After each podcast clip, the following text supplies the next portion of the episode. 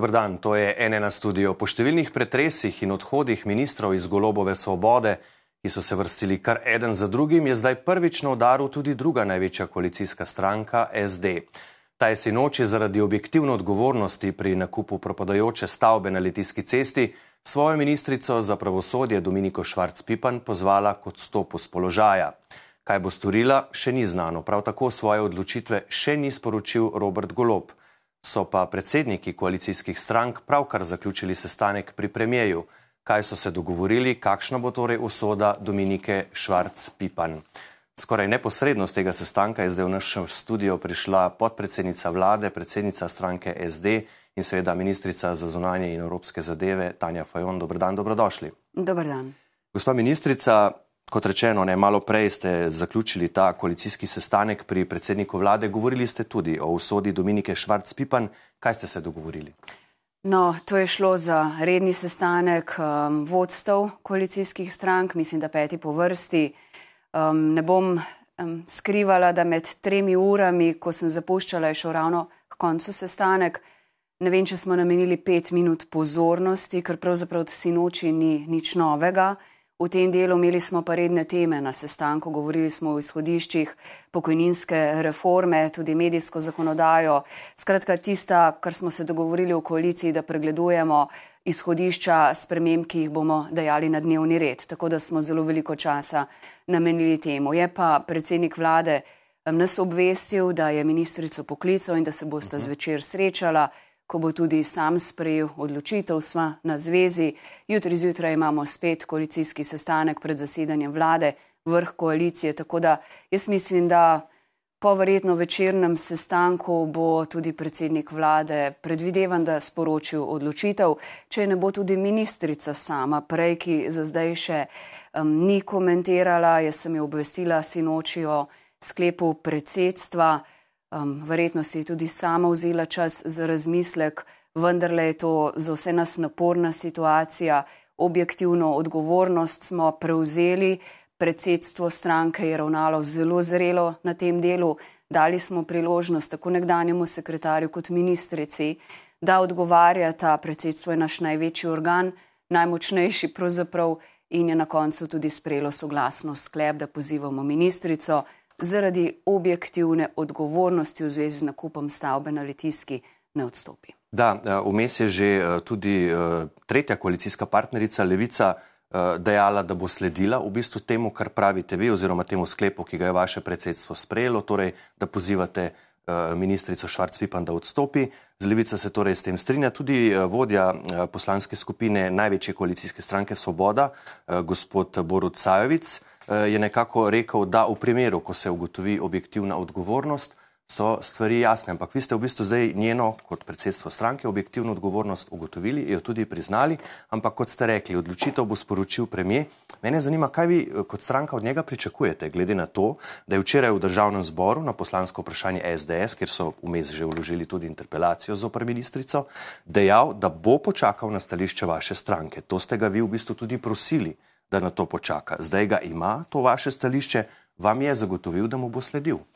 Glede, tako kot predsednik vlade, tako kot ministrica ali nekdani sekretar, si tudi naša stranka, jaz osebno želimo pojasniti, vedeti več o okoliščinah in vseh dejstvih.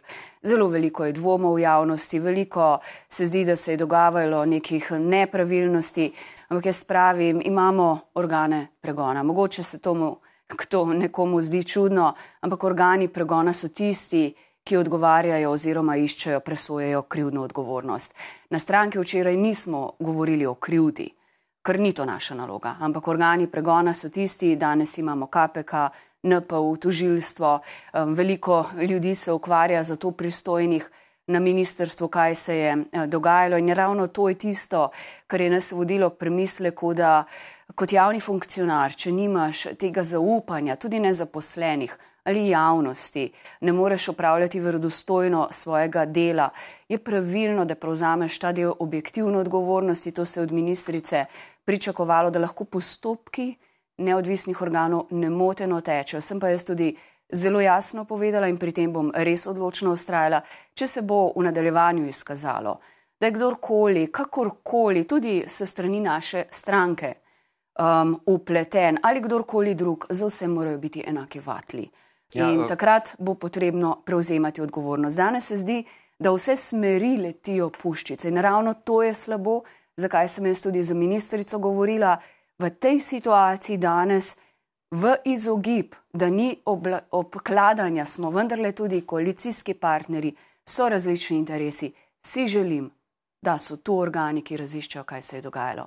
Ne na zadnje sem... je zato zainteresirana slovenska javnost, Absolutno. ki si zasluži odgovore. Da, ampak vprašal sem vas, če imate zdaj zagotovilo premija, da bo sledil vašemu stališču.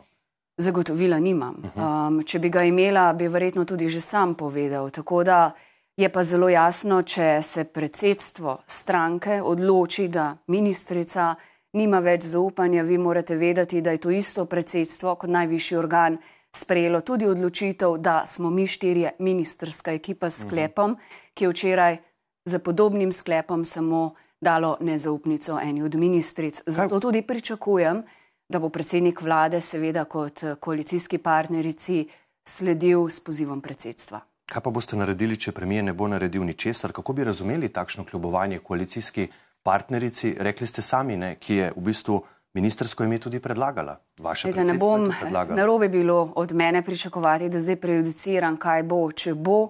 Jaz sem povedala, kaj je moje pričakovanje, kaj je pričakovanje predsedstva. Jaz mislim, da je tudi javnost od stranke, vidite sami, da se je pritisk stopnjeval, pričakovala, da se odločno odzovemo. Um, ministrici je vmes umrl oče, da. imeli smo težko situacijo.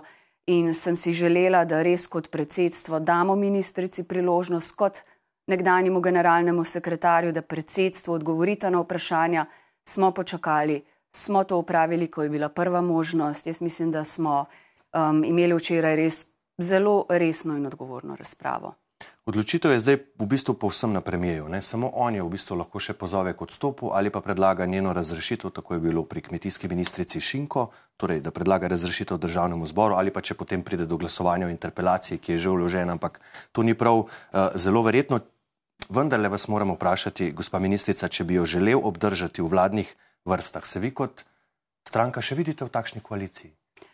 Um, Zelo nehvaležno je nasploh situacija. Mislim pa, da tudi ni prva situacija, tudi verjetno so jo že imeli podobno v koalicijskih partnerjih, da se stranka odreče ministru. Jaz sem si želela, da bi ministrica po vseh pogovorjih, ko je poslanska skupina izrekla nezaupnico, ko je vodstvo stranke prejšnji teden se s tem strinjalo, da mora prevzeti odgovornost, tudi sama upravila pogovor z njo, svetovala naj se sama umakne.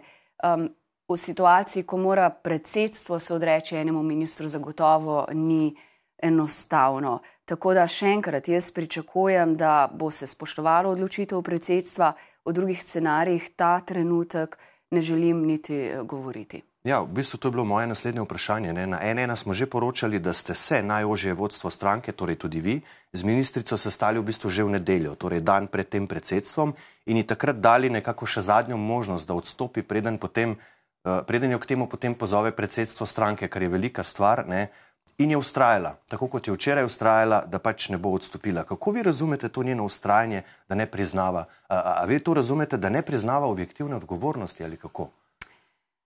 Težko sodim in tudi mislim, da ni pravilno, da odgovarjamo njenem imenu. Ona je imela včeraj priložnost in tudi zdi se mi pravilno, da ne govorim, kako je potekalo to predsedstvo, kakšne so bile tam vse izrečene besede.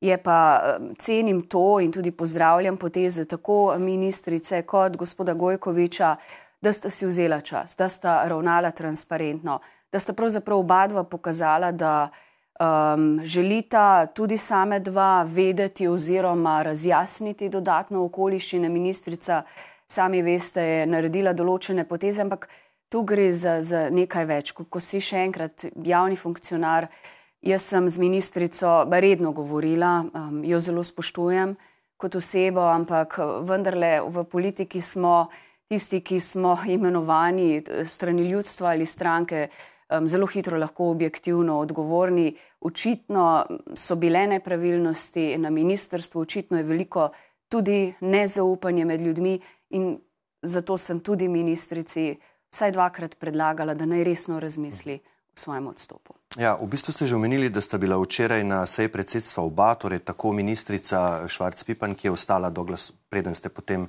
opravili razpravo in glasovali, kot tudi njega ste tudi že omenili vaš član uh, Uroš Gojkovič, ki je vodil v bistvu postopek tega spornega nakupa. Ministrica je vse čas ustrajala, da so bila nanj že v začetku v bistvu prenesena vsa pooblastila uh, v zvezi s tem, v katerem delu se zgodbi ministrice in gospoda Gojkoviča razhajata. Zdaj, če vam povem zelo iskreno, pa um, po poslušanju večkrat obeh, bi lahko rekla, da imata vsak veliko prav in ni veliko stvari, ki bi lahko rekla, se razlikujejo.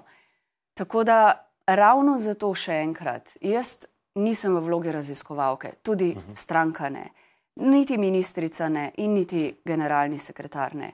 In ravno zato se mi zdi pravilno, da to upravljajo pristojni ljudje. Tako bo najlažje za vse in to je bilo tudi moje sporočilo predsedstvu. Eh, je pa po informacijah, ki jih imamo včeraj, eh, ministrica na tej seji predsedstva prst eh, uperila tudi v vašega generalnega sekretarja Klemna Žibrta, ki je zelo vpliven, seveda v stranki se je ne nazadnje formalno drugi človek stranke, a ne in prvi operativec, boste tudi od njega v bistvu zahtevali zdaj pojasnila, glede na to, da se ga omenja v kontekstu te zgodbe? Um, Mar si kdo je mogel pojasnjevati. Včeraj smo imeli zelo odkrito in iskreno debato. Lahko pa rečem, da toliko kot je v tej zgodbi kazanja s prstov, um, rečemo vsakomor, če je kaj, ste odgovorni dati prijavo. In um, v tem primeru pa lahko rečem za generalnega sekretarja, ima jasna pooblastila stranke, po mojih informacijah ta zelo v redu upravlja. In um, je pa jasno, da kot generalni sekretar spremlja projekte, spremlja delo ministrstev. Dejstvo pa je, da kot generalni sekretar nima tiste zadnje politične odločitve, ki pa je v rokah vodi ministrstev. Da. Uh, Vprašanje morda na tem mestu tudi, gospa Fajon, zakaj ste v bistvu vi v stranki posegli po tako drastični potezi? Poziv kot stopu lastnega ministra je vendarle zelo ekstremna poteza za vsako stranko, to je vendarle treba priznati.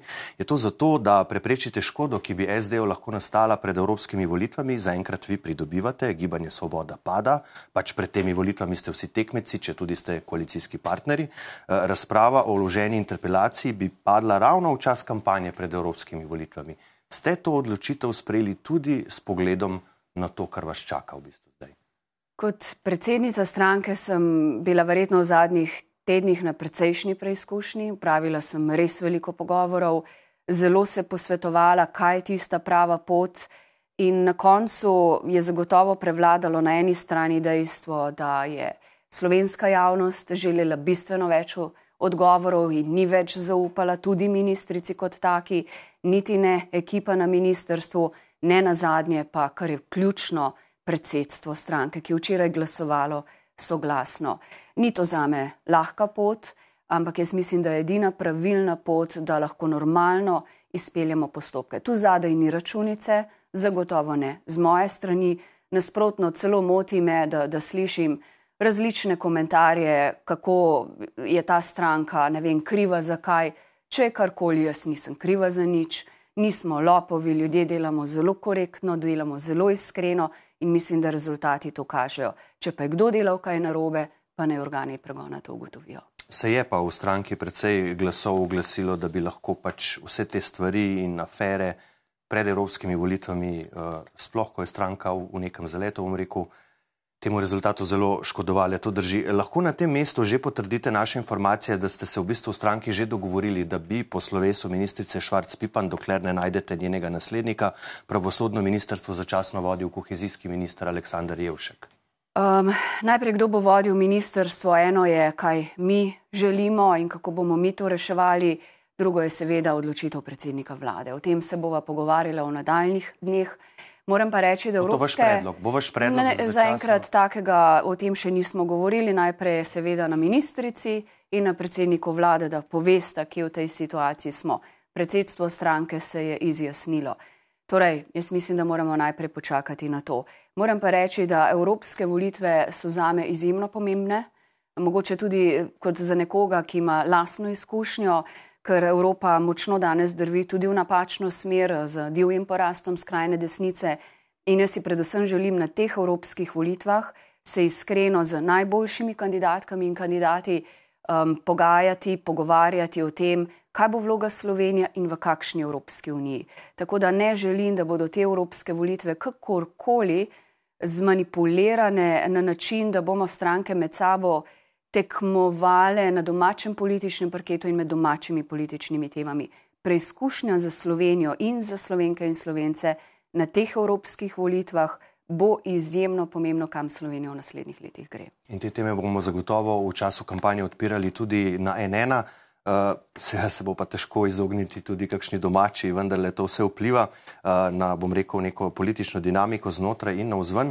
Še to za konec, uh, glede na to, da gre za zgodbo, ki smo jo razkrili na NN, uh, ste v SD že sprejeli odločitev, ali boste tožili kirurga uh, in predsednika premijevega strateškega sveta za zdravstvo, dr. Erika Breclja, ki vas je večkrat označil za plenilsko stranko, pa še kaj je rekel, da zdaj ne naštevam vsega uh, in pri tem zdaj ustraja v bistvu. A ste že sprejeli to odločitev? Jaz bom najprej povedala svoje osebno mnenje, da sem izjemno razočarana od enega uglednega zdravnika, ki uživa ali naj bi užival zaupanje ljudi, da tako mirno, hladno s prstom kaže na lopove, na stranko, ki je lopovska.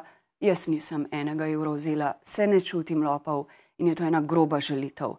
Tako da jaz mislim, da če ima dr. Brecel karkoli, za kogarkoli, je dolžan o tem obvestiti pristojne organe. Kar tako počes, pa za me ni več oseba, ki je vredna zaupanja. In Ampak seveda zaupa, so ljudje v stranki, ki jih je to prizadelo, uh mhm. -huh. kot je prizadelo mnenje. In ja, razmišljamo o marsikateri potezi, bi pa jaz rekla, da smo ljudje na funkcijah, kot je tudi to vodenje strokovnega sveta odgovorni, ker ljudje nam pa vendarle spremljajo, dajo, jemljajo za zgled in jim moramo dajati zaupanje.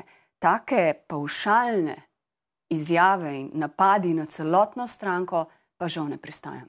Torej, če prav razumem, kaj najprej zdaj od njega pričakujete upravičilo, če tega upravičila ne bo in glede na to, kaj govori. Bi jaz, bi rekel, želela, da da bi, jaz bi si predvsem želela, da bi ljudje, ki smo na nekih odgovornih javnih položajih, znali brzdati svoje besede. Dobro, bomo videli, kaj se bo zgodilo. Rekl je, če bo prišlo do sojenja, upa, da bo to na litiski eh, v tej sodni stavbi, bomo videli, kaj se bo zgodilo. Za danes pa, spoštovana gospa ministrica Tanja Fajon, najlepša hvala, da ste prišli v naš studio. Hvala za povabilo. Hvala tudi vam za vašo pozornost. Seveda bomo današnje zelo pestro politično dogajanje na NN Info spremljali še naprej. Torej, sledi še sestanek predsednika vlade in Dominike Švarc-Pipan ob 18. uri. Vse bomo spremljali in sproti poročali na nninfo.si. Iz studija pa le še lepo zdrav in nasvidenje.